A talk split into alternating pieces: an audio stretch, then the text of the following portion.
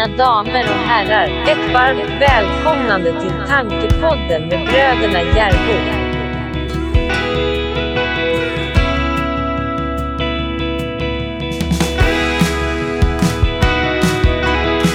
Jag har, jag, jag har min liksom rutin. Jag har min rutin som jag kör vet du, så att den är ju, den är ju väl inarbetad nu. Ligga gött ner i sängen här. Bygga upp en liten bra vinkel för huvudet här med kudden och eh, låta liksom inspirationen flöda bara. Jag är en sån kille med pizza och allting. Det det som funkar, det kör jag. Det är ingen förnyelse i förnyelse Nej. där då. Jag kommer ihåg när pappa ställde fram två tårtor på bordet. Kommer du ihåg det? Hur gammal var du då? Ja, jag var nog eh, en tio kanske. Ja, det är sjukt att jag kommer ihåg det. Då var jag sex liksom. Ja. Han ställde fram två tårtor på bordet. En med eh, broccoli och morötter. Och en med eh, godis på. Som topping. Godis och strössel. Ja, Så sa han välj. ja, Så ville ju bar- barnen ha den med godis. Och så var det sån här eh, grovt bröd i den. Med liksom eh, majonnäs och så. ja, Medan när de tog av, de tog av broccolin och morötterna så var det en gräddtårta. Ja. Med tårtbotten och så sa han. Allt är inte alltid som det först ser ut. ja. Det är stort att man får välja själv. Och vissa vill i livet förstå liksom enkla sanningar om livet. Som kan vara till stor hjälp. Och, och söker sån förståelse. Och andra tycker att de har sin uppfattning och är nöjda liksom. Vilket är helt fine. Men jag Mm. tror nog att livet är lite som de där två tårtorna. Att allt är Mm. nog inte som det först ser ut. Utan det kanske inte är på det sätt som vi tror som vi bäst kommer njuta av varje dag liksom. Som vi först tror. Nej. Utan det är på något annat sätt. Mm. Så här, många av de insikterna som vi har pratat om här ju. Mm. Det blir som en skatt känner jag. Mm. Och alla vill ha ett förhållningssätt till livet tror jag som gör att de mår bra. Mm. Och, och om de inte mår bra, en förståelse för varför de inte mår bra och, och att det kommer gå över. Mm. Det är ju värdefullt. Jag tänkte på Biff i Tillbaka till framtiden. Kommer du ihåg den? Ja, en av Tvåan. klassiker. Den gamla Biff. Han kommer från 17 eller något. 2000 Ja. någonting. Ja. Men han hade ju varit där eh, och köpt, eh, snott den här Grace Sports Almanac. Mm. En, en eh, almanacka som innehåller alla sportresultat det Mm. senaste århundradet. Mm. Och så hade han åkt tillbaka och så hade han lokaliserat sig själv som ungdom Mm. på 1950-talet. Mm. Så han levde på den medvetandenivån som han levde på då. Eh, och då fick han en biltur med honom, Mm. med sig själv då. Så Mm. sa han. Jag har en grej till dig liksom. Eh, Jag har en grym grej du ska få. En riktig liksom skatt som kommer liksom förändra ditt liv. Mm. Det är resultatet på alla sportevent de senaste hundra åren liksom. Så gav han dem till honom och så, så parkerade han i garaget där. Kom, kom du ihåg vad han gjorde då? Den unga? Han motsatte sig lite grann va? Han tog den och så slängde han den i baksätet och så sa han ja, jag ska kolla på det sen. Och så försökte han gå in på Ja. Och den gamla gubben, han liksom, Dunkade han höll fast honom. honom och slog till honom i huvudet och sa Fattar du inte? Fattar du inte vad det här är för någonting? Ja. Så satte han på radion liksom. Ja, Så var det en basketmatch som skulle sluta så sa han ja. Jag sätter tusen dollar på att UCLA vinner liksom. Han bara, men du hörde ju, han sa ju själv, det var ju 10 sekunder kvar och bara, du kommer förlora. Och så hör man hur det vänder liksom. Ja. Och han, man ser i hans ögon, ja. den här unga Biff, när han får den här insikten. Ja. Hur, hur visste du det liksom? Han bara, jag sa ju det. Allt står här i boken. Nå- någonting i hans då gick ju från att bli någon sorts intressant intellektuell idé om den här almanackan. Att ja, ja, ja, det kanske spännande eller intressant. Ja. Tills han började se Ja. att det är på riktigt. Och då, ble, då behandlade han ju den också som en, som en skattkarta liksom. Ja. Det blev liksom hans största skatt för att han visste vad den innehöll.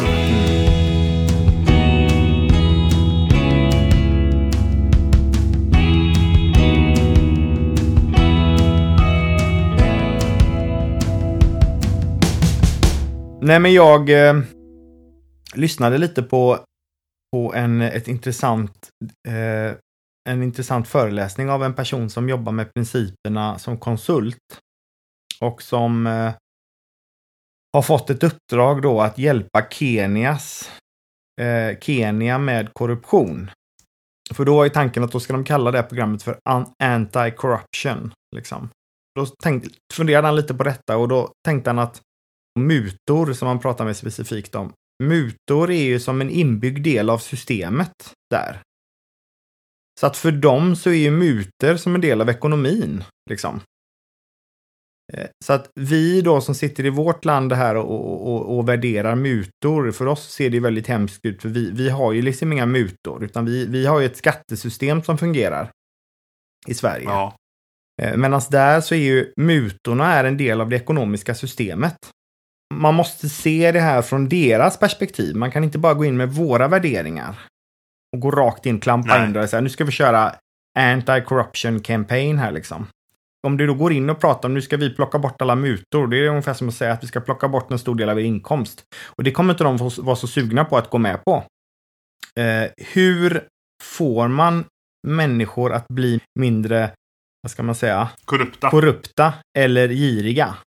Eh, och då menar han på då när han satt och funderade på detta att där handlar det ju om, om man ska titta utifrån principerna då, eh, vad som finns i huvudet på människor och deras medvetandenivå. Mm.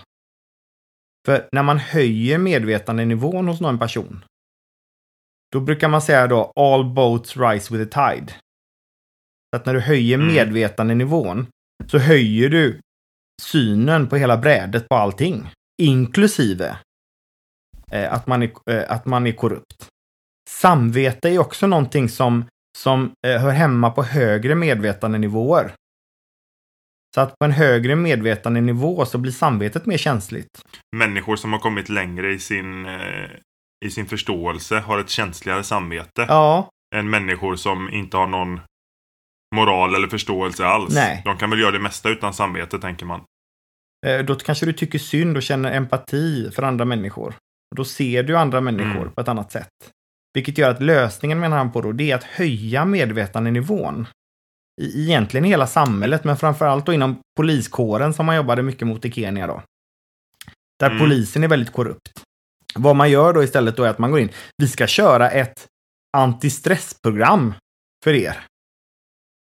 Blir egentligen samma sak som att säga att vi ska köra ett, ett anti-mutprogram.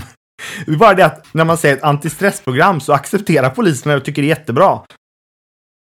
Och då menar han på att mm. en konsekvens av detta när de sitter i de här samtalen, för sen, det är en biljett för mig att gå in och prata om principerna med de här poliserna. Ja, det blir en, en in för honom. Ja, det blir en in för mig. För om jag går in och säger att jag ska prata mutor med er, nej, då har du en vägg mellan dem. Om jag sitter och pratar med de här och de förstår det här, när poliserna får insikter, så kommer det automatiskt att minska sådana typer av handlingar som ligger på en lägre medvetandenivå. Och det jag tycker det är helt genialiskt. Då har ju han som gör detta har ju kommit långt. Att ja. inte liksom gå in med ett dömande perspektiv. Ja, han, är ju, han är ju problemlösningsorienterad. Han ser ju hur ska vi lösa mm. det problemet bäst. Han har förstått principerna. Mm. Så är han en bättre mm. problemlösare. Medan alla andra går, nu ska vi prata antimutor liksom. Meningslöst. Det kommer inte ja. hjälpa någonting. Och det som vi har pratat om tidigare då, så kan man hänföra alla problem egentligen till, till tankarna. För det är där de har sitt ursprung. Så, så principerna kan, kan, kan agera på individnivå. Alltså individer får en bättre livsupplevelse, en bättre kvalitet på sitt tänkande, vilket också i sin tur då har en bättre kvalitet på de sakerna man gör när man har ett bättre tänkande. Så gör man bättre grejer när man tänker bättre. Ja. Och ser man på samhällsnivå så är det samma sak där. Ett samhälle blir bättre när individerna i samhället har ett bättre nivå på sitt tänkande. Så gör alla mm. individer och då blir samhället bättre. Så att principerna kan appliceras både på liksom samhällsnivå, på global nivå, som på individnivå. Ja, det, det är ju viktigt. Det tror jag inte så jättemånga tänker på Nej. och är medvetna om. Den här medvetandenivån som vi pratar om i podden, den är inne på de, de, de stora företagen också. Där chefer och vd och så har, har tagit till sig detta och börjat jobba med eh, att höja medvetandenivån på sina anställda eh, i rent affärssyfte. Eh, Så man kan säga en individnivå, familjenivå, vänskapskrets, jobb och företag, myndigheter, samhälle, Ja. världen. Ja.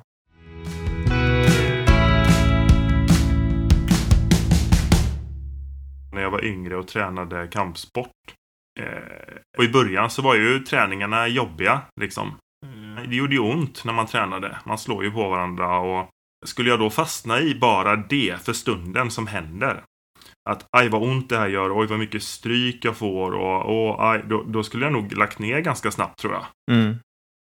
Mm. Men efter ett tag så fick jag en förståelse om den här smärtan och det här lidandet då. Hur naturligt det var i min Mm. träning. Mm. Jag tränar nu för att smärtan ska bli lättare sen när jag går på tävling. Det blir roligare då. Och den smärtan sen när jag kommer tävla, den kommer komma. Mm. Jag kan liksom inte ha en föreställning om jag kan inte bli chockad varje gång jag går in i en tävling och så blir det jobbigt. Utan det mest naturliga som händer när man tävlar det är att det är jobbigt. Det kommer komma en obehaglig känsla eh, med mycket smällar och mycket puls och sådär. Mm. Men det är ju därför jag gör detta. Antingen kan jag lägga ner om jag inte gillar det. Men jag, jag Mm. gör ju detta för att jag tycker att det är, det är kul och jag tycker att jag vill vinna och sådär. Så därför blir det jättenaturligt för mig. Mm. Och till slut när man gick långt i en, i en turnering och man var uppe i semifinal och final och sådär. Då var det ingen överraskning att det var väldigt jobbigt utan man, jag kunde nästan känna jag förtjänar rätten att lida så här. De Mm. andra som sitter på läktaren här bredvid nu och tittar, de skulle vilja vara där jag är nu. Mm. Och få, få stå här och tävla och, och uppleva den här smärtan och vara med fortfarande i turneringen. Men det får de inte. Mm. Men Men jag får det nu. Mm. Den förståelsen över att såklart att när jag går in i en tävling kommer det bli lite jobbigt en stund. Men sen är det över. Den Mm. hjälpte, hjälpte jättemycket. Eh, precis som en stark muskel är en muskel som gång på gång på gång måste lida en liten stund. Mm. Det förstår ju personer som håller på med träning. Mm. Och det är därför de gör det. De förstår att under en kort tid kommer det här göra ont, men jag förstår varför. Och så blir muskeln starkare och starkare. Och jag började se det på samma sätt i livet nu. Först så tror jag att det är lätt att man fastnar i det i början lite. Som jag såg kampsporten. Att man börjar bli medveten och så tänker man att ja, jag är en människa, jag ska ha ut det mesta av det här livet, det ska vara bra, det ska vara roligt och det ska inte vara dåligt och det ska inte vara tråkigt. Och sen då när det Mm. någon gång blir liksom något som vi upplever jobbigt, då blir vi chockade. Eh, men sen efter ett tag så kanske man kan börja se det så här att jag är en medveten människa som deltar i den här världen eller den här drömmen. Liksom. Och det är likt en berg och dalbana. Det är likt en kampsportskarriär att vara människa. Mm. Eh, Så det kommer innebära en hel del gemenskap, en hel del tider på prispallen och sen också då och då tillfällig smärta och förlust. Mm. Och det är helt naturligt och jag förstår Mm. varför. Så när den smärtan och den förlusten kommer, då räcker det ibland med det vetskap, den vetskapen att just det, nu är jag där. Nu är jag där jag visste att jag skulle vara då och då. Och det gör inget, det går över. Mm. Och det fenomenet att göra en, en grej av det, att analysera och försöka förstå varför här, det hjälper sällan för mig så bra som att bara acceptera det. Mm. Eller till och med att du ser smärtan som någonting positivt. Din kropp säger till dig så här att nu är det på maxnivån. Nu, nu, nu, nu, är du, nu, nu pressar du din kropp till max och det vill din kropp visa för dig. Och det gör den genom smärta. Ja, Ja. Då är den signalen positiv. För den, den säger, ja, Din kropp säger till dig det här att nu är du på din yttersta gräns. Det känner du genom smärta. Eh, Och du kan tolka den smärtan i det sammanhanget du är i då som positiv, för då vet du att du, du, du pushar din kropp framåt.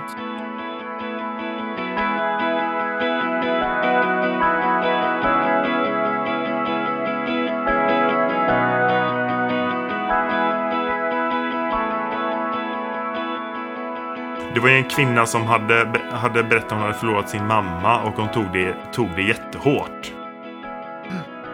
Eh, hon visste väl kanske någonstans ändå att eh, man lever inte för alltid här på jorden utan eh, döden är en väldigt naturlig del och sådär. Och vi läser om död och hemskheter i tidningarna i andra delar av världen varje dag och vi orkar knappt läsa det. Vi bläddrar bara förbi det och så. Men just när Mm. det drabbar oss Mm. då blir vi chockade och tänker att hur kunde detta hända då?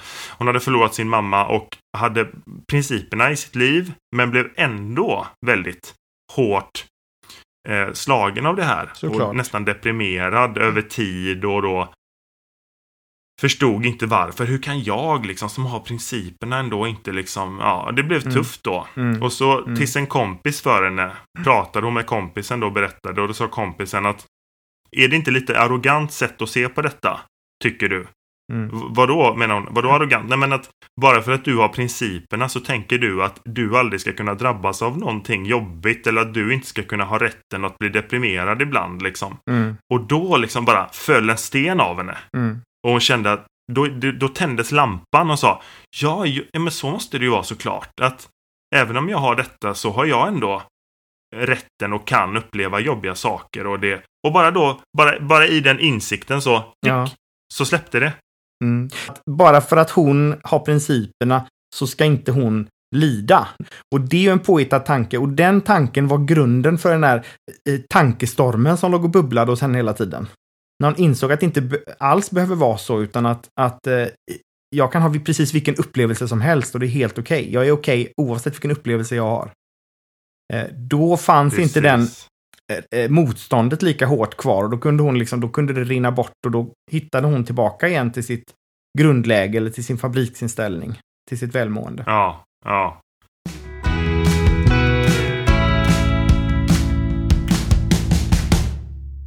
Och jag, jag kan förvånas ibland över barnens förmåga att bli chockade över läggdags. Har du varit med om det? Med Ella? Att, att fastän Ja. den kommer varje ny kväll. Ja, men man kan ju tänka att de skulle vara införstådda i det, att det är en läggdags. Men de blir liksom chockade Mm. varje gång. Och, och, och det börjar väl bli mindre nu när mina barn är lite större. Men när de var mindre så var det alltid så. Jag fick ju göra en regel hemma till slut. Att i den här familjen blir vi inte chockade när det är läggdags. Utan läggdags är läggdags liksom.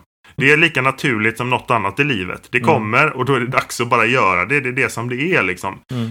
Eh, Men det var, fanns motsättningar, de stretade emot och jag tänkte att ju förr de förstår på riktigt att det, när det är läggdags, då vinner pappa varje gång.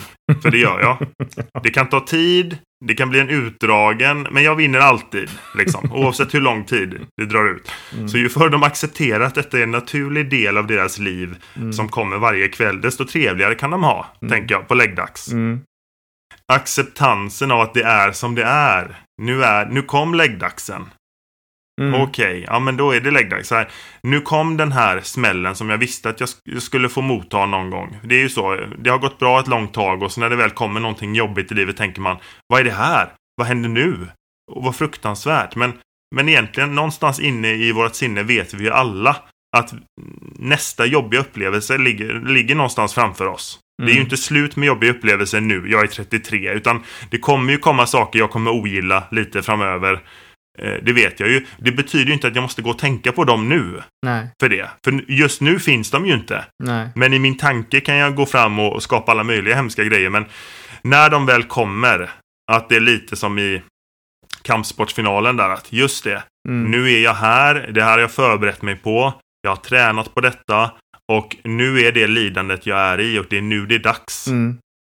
Det som Jesus eh, säger, vi, vi är ju uppvuxna i en eh, kristen kyrka och har läst mycket Bibeln. Eh, och i Bibeln så säger ju Jesus så här att, att eh, låt var dag ha sin sorg. Eh, och det tycker jag är ganska klokt. Han säger ju att man inte ska gå runt och bekymra sig för morgondagen.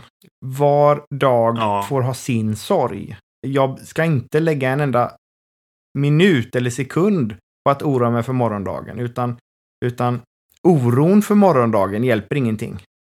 Utan, Nej, alltså med, inte med en aln som var ett mått på den tiden då, kan Mm. du förlänga ditt liv genom det.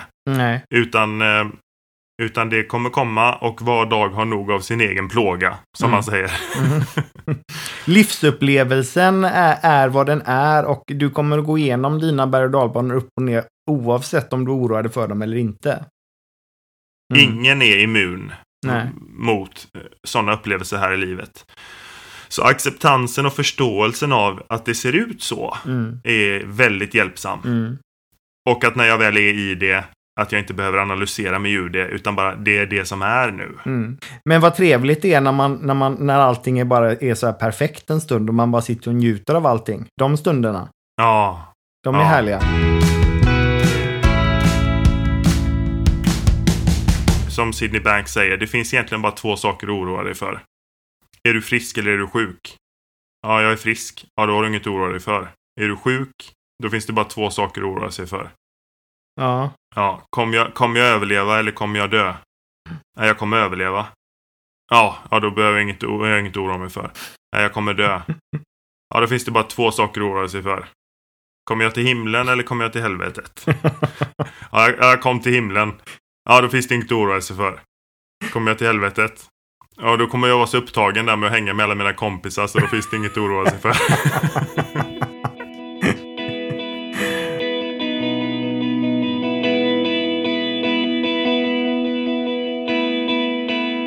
Jag lyssnade på en podd, kommer jag ihåg, för några år sedan.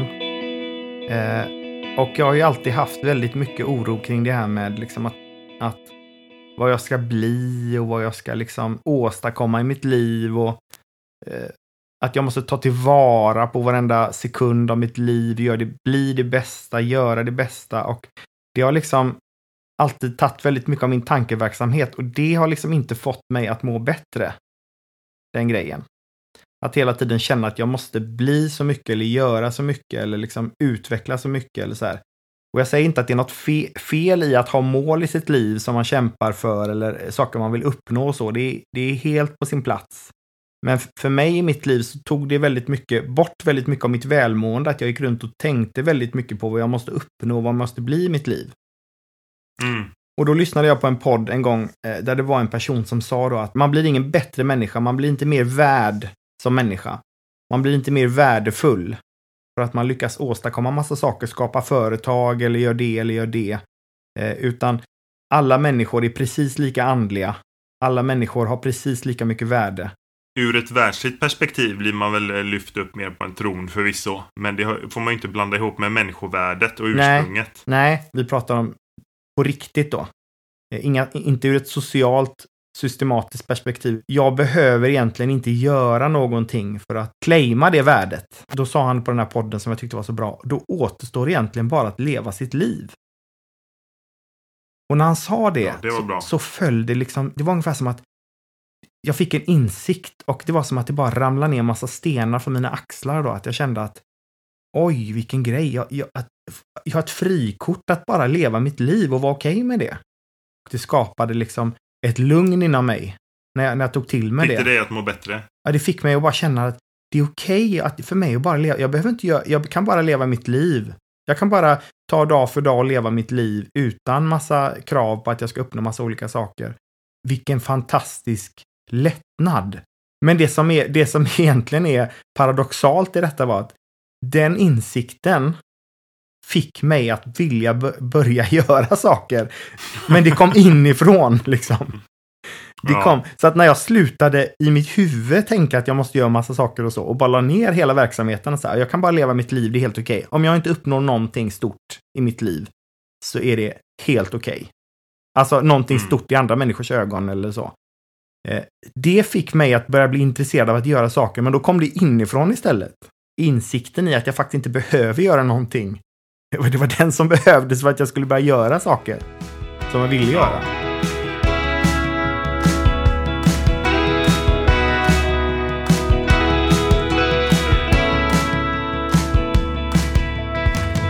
Jag hade en gammal, eh, jag kände en gammal man en gång. Som sa till mig att glöm inte en sak. Exemplet är den bästa läraren. Mm. Och det tyckte jag var bra sagt. Det var en äldre man som gärna var kvar på sammankomster. Vi hade varit 100-200 personer och så tog han en kvast när folk började röra på sig efteråt. Och så gick han och sopade upp. Alla hade ätit och tappat grejer på golvet. Och så gick han och visslade. Så sopade han upp där.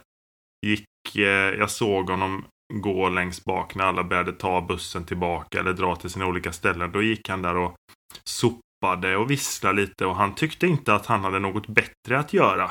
Som alla vi tyckte. Yngre pojkar och flickor. Mm.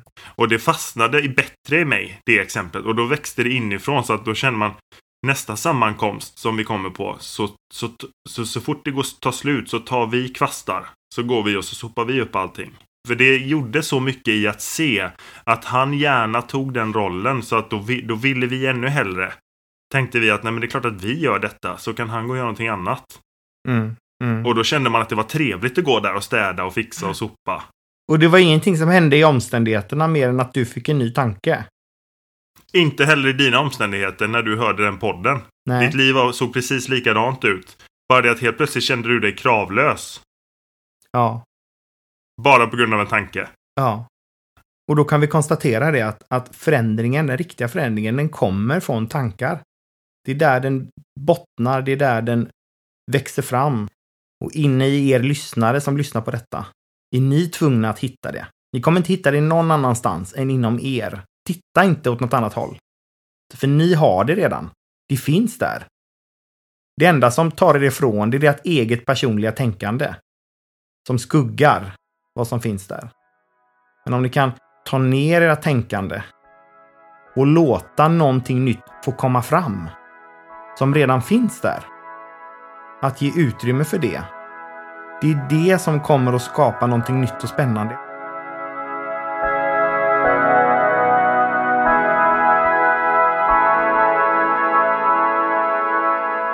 I Lejonkungen säger ju Pumba en bra sak.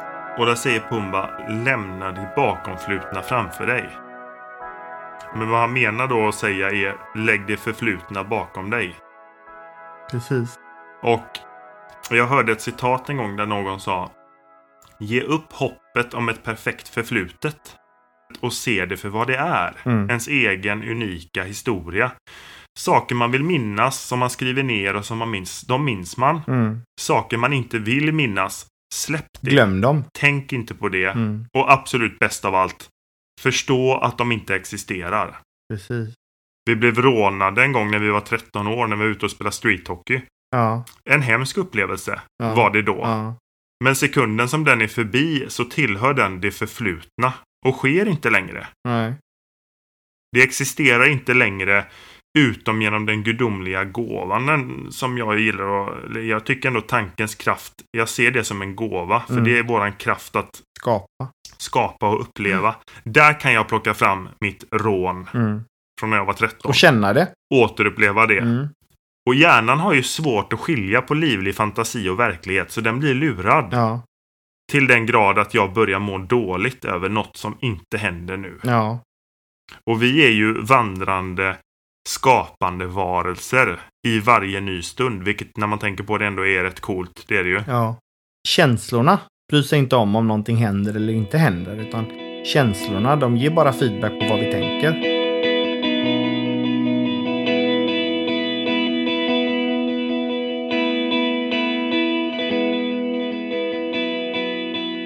Nu skrattar jag mer åt det. För det var en komisk händelse även inblandad i, i det rånet. Min, min kompis som var uppvuxen i Kortedala som var eh, ett lite tuffare område än Partille där jag var uppvuxen. Ja. Han kom precis där, mitt under rånet. Han hade varit och hämtat ett mål till. ja. Så han kom och så såg han ju oss uppställda på ett led där och tömde fickorna framför några killar som han inte kände igen med cyklar. Och så sa han, vad, vad gör ni? så sa jag, "Ja, vi, vi blir rånade. Han, Nej men skärp er, sa han. "Eh, Stick härifrån, vi håller på att spela hockey här. De bara, du, fattar du inte, vi rånar er liksom. Vi har kniv och vi drar oss inte för att använda den Ja. liksom. Och han bara, ah, ja okej, ah, okej, ja ja ja. Men så drog han upp tröjan och sa, ah, du har kniv här då, varsågod och hugg. Här. Ja. han, nej just det, tänkte det. Så tog han det här målet han hade hämtat och bara kastade mot dem och sa, Ja. stick härifrån. Ja. Och så cyklade alla iväg. Men tills att han kom var det ju lite läskigt så. Och det var det faktiskt som blev startskottet i att vi eh, tittade runt sen och började hålla på med kampsport och sådär.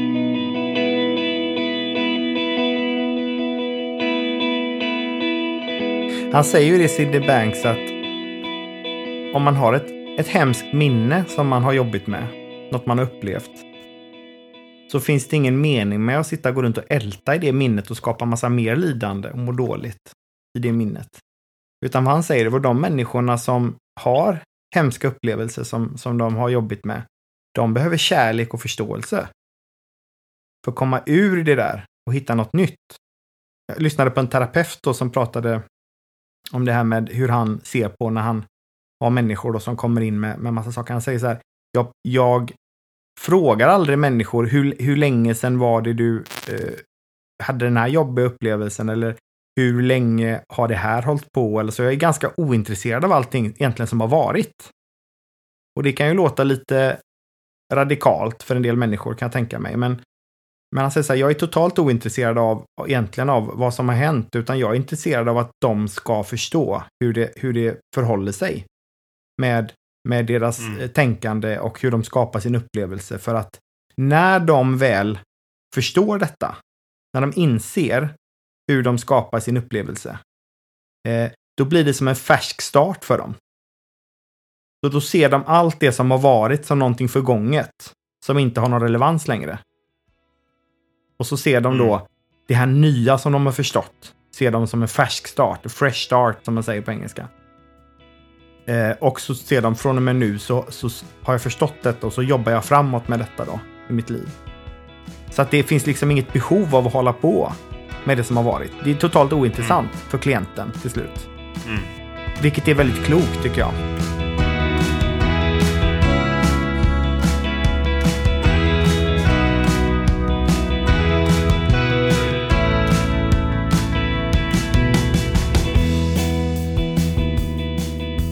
En gammal kyrkledare sa till oss en gång, alltså, ta er inte an djävulen, för ni kommer förlora. Mm. Ska man in där och dansa så är det en match man nog inte vinner och det är samma med Alltså att ta, ta sig an sitt förflutna och sitta där och brottas och korrigera och, och liksom fastna i, alla, i det träsket Mm. av tråkiga upplevelser och händelser. Det är, en, det är nog en kamp man inte vinner. Nej. En färsk start är nog någonting som alla behöver. Och jag behöver det väldigt ofta hemma. Mm. Eh, och i andra situationer. Och det är väldigt skönt att få det. Och det är så inspirerande och vackert med just en färsk start. Smaka på det konceptet liksom. Alla människor vill ju ha en Mm. fresh start. Och man säger då, det finns Ja. alltid egentligen potential för en fresh start. Jag, jag fick en färsk start idag faktiskt. Jag, I morse så, så glömde jag ett möte som jag hade med en, en utbildare jag har. Eh, och jag brukar inte lägga möten just på fredag morgon, liksom klockan åtta direkt. Då när jag bokade mötet tänkte jag att hon har bättre möjlighet att träffas då. För hon har säkert annat för sig under dagen. Eh, Men Mm. eftersom det är så ovanligt att jag lägger möte på fredag morgon så hade jag i mitt huvud då att det är ingenting den här morgonen. Så att jag kan sitta och pyssla med mitt eget. Mina, min administration och allting som jag gör. Så jag satt och jobbade liksom och kollade inte ens i kalendern, vilket var dumt. Eh, Så jag glömde det här mötet och sen så hörde hon av sig så fick jag det bara att du missar ju det här mötet och så. Och då blir man ju lite sådär, känner man sig lite, eller väldigt dum liksom. Så att man, man hör ju av sig och ber om ursäkt och, och då sa jag faktiskt som det var att jag, jag brukar inte ha några sådana tidiga möten på fredagar och jag, ja, jag trodde helt enkelt, jag kollade inte i kalendern så jag missade mötet. Och så. Eh, vi får höras, du kan väl ringa när, du, när det passar dig och så. Eh, men det här kan man ju sitta då och välja hur mycket man ska förebrå sig själv. Mm. Så att jag skulle ju kunna sitta egentligen hela dagen och, och hålla på med detta och tycka shit vad pinsamt att jag glömmer ett möte, det brukar jag inte göra och sådär va. Eh, och, och skapa väldigt mycket Ja. tänkande kring detta. Men då är det så här, vad hjälper det? Vem hjälper det? Nej, precis. Det finns saker som hjälper och det finns saker som stjälper även när man har missat ett Ja. möte. Jag, så, så, jag missade ett möte. Ja, det var ju dumt. Men så här, att just att kunna så här, snabbt förlåta sig själv och inse att det är, det är mänskligt. Och sen så, så släpper man det. Och så tänker jag inget illa om mig själv längre för det, utan det är något som, och jag behöver liksom inte klanka ner på mig själv eller förminska mig själv eller tänka en massa saker om det, utan så här, jag, jag kan be om ursäkt och så gå vidare. Jag har nog lärt mig mer de senaste åren att, att liksom snabbt släppa saker, förlåta mig själv och andra och gå vidare. Mm. Och det är väldigt hjälpsamt. Det kan vi rekommendera alla att jobba med färska starter Mm. eh, mot sig själv, i relationer och i alla andra sitser man kan hamna i. Misstag kommer ske. Det är en del av den mänskliga upplevelsen. Ehm, men en färsk start är alltid bra. Mm. Och en färsk start innebär ju att på riktigt förlåta och glömma. Mm. Och då tillhör det någonting som vi redan har pratat om. Då tillhör det det förflutna. Och i det förflutna behöver man inte grotta ner sig för mycket. Utan då kan man engagera sig mer i det som existerar nu. Som egentligen är det enda som existerar. Mm. Som är nuet. Mm. Och att få ta stund för stund, dag för dag och njuta av det enkla livet om man så vill. Eh, och man är precis Ja. lika mycket värd som någon som väljer att bygga massa saker, skapa företag och skapa massa grejer. Det är inget jag värderar, men just att den insikten då att jag faktiskt inte måste göra massa saker för att bli mer värd som människa. Och viljor är också tankar. Som allt annat. Du kan inte vilja någonting utan att tänka någonting. Nej. Oj, vilken filosofisk not vi eh, hamnade på här nu i slutet. Jag borde gå ut och fånga lite av den här dagen. Komma ut och ta en liten promenad. Så kul som det har varit att podda så känner jag att det skulle göra mig gott. mm. Så vi kan väl tacka för idag och så får vi... Eh, nu närmar vi oss årsskiftet här så smått. Mm. Men vi gör väl några avsnitt till innan vi gör säsongsavslutning. Ja, vi ska göra några avsnitt till tänker jag innan säsongsavslut. Och har ni några, ni lyssnare, några förslag på teman som ni skulle vilja att vi behandlade i den här podden? Det kan vara konkreta saker som exempelvis då hur eh, minskar man sin stress till exempel eller hur eh, hanterar man en jobbig chef eller vad som helst egentligen.